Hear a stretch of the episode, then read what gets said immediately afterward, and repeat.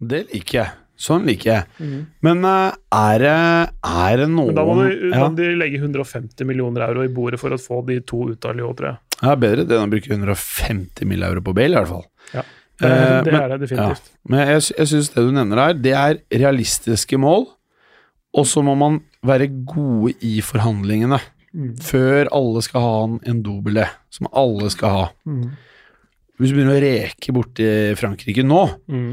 Du må ha vært litt på føleren nå, Mm. og så må du ha tatt skikkelige samtaler, sendt han derre Ole Gunnar Solskjær bort til Frankrike for å ha masse samtaler. Mm. Sende hjem til spillerne. Ja, masse biff, spise god biff. Eh, innbakt potet i sølvfolie.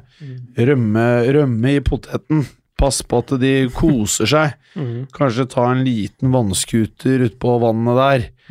Mm. Gjør noe hyggelig med han der. der. Mm. Så kanskje, kanskje får han inntrykk av at eh, du skal satse på han, at han kan bli en stjerne, og at han kan være en av de som er med og bygger opp et fremtidig storhetslag. Mm.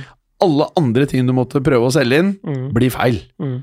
Vær ærlig på det. Ja. Vi skal bygge opp. Mm. Jeg skal kvitte meg med alle sånne superstjerner. Så Mm. for å lyve en liten sånn hvit løgn da, om at eh, det er du som bestemmer at Pogba skal dra. Mm. Men uh, bruk det til din fordel, Mm.